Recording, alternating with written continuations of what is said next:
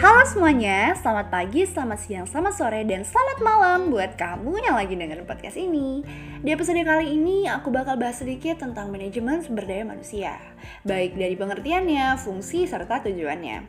Suatu perusahaan atau organisasi dalam menjalankan kegiatannya memerlukan sumber daya manusia yang memiliki kapasitas dalam suatu bidang.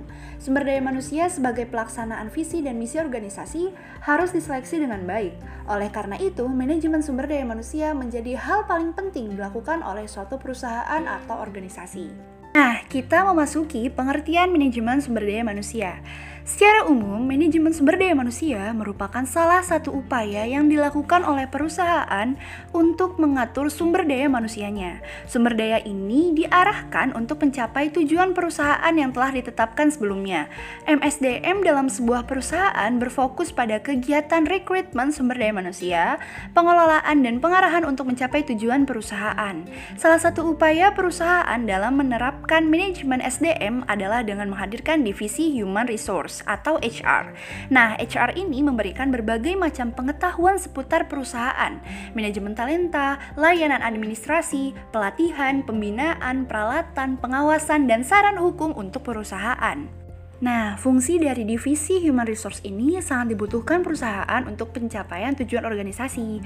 Selain beberapa fungsi di atas, divisi Human Resource juga memiliki tanggung jawab dalam mengembangkan perusahaan. Hal ini dilakukan dengan implementasi kultur perusahaan kepada seluruh sumber daya manusia dalam perusahaan tersebut.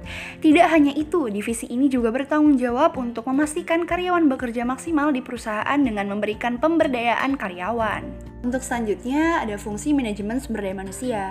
Dari pembahasan sebelumnya dapat dipahami bahwa manajemen sumber daya manusia memberikan kontribusi besar bagi sebuah perusahaan.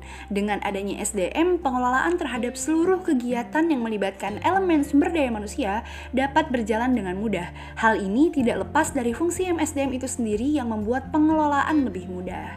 Yang pertama ada staffing atau employment. Fungsi pertama dari MSDM adalah staffing atau pengelolaan terhadap terhadap tenaga kerja organisasi. Dalam penerapannya, staffing dilakukan dalam tiga langkah, yaitu perencanaan, penarikan, dan seleksi.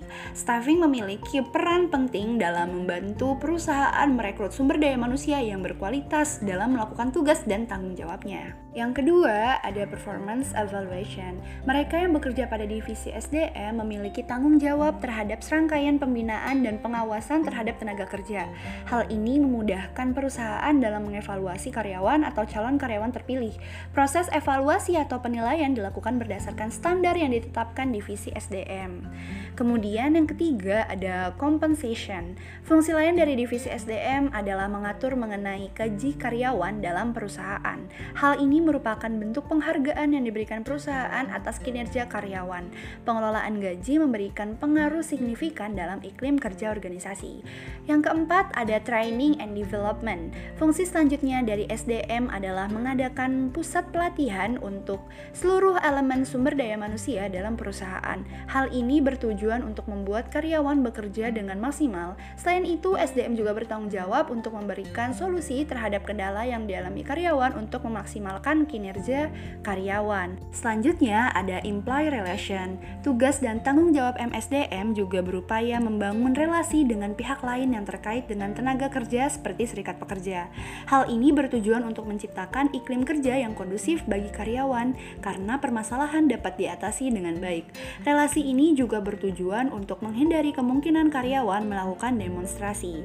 Selanjutnya ada personal research. Tugas utama dari MSDM adalah untuk mengatasi permasalahan yang dihadapi oleh karyawan dalam lingkungan perusahaan. MSDM harus melakukan analisis terhadap setiap permasalahan seperti PHK dan memberikan solusi yang tepat tepat. Hal ini dilakukan untuk menghindarkan karyawan dari hal yang bisa mengganggu kinerjanya dalam perusahaan. Yang ketujuh ada safety and health.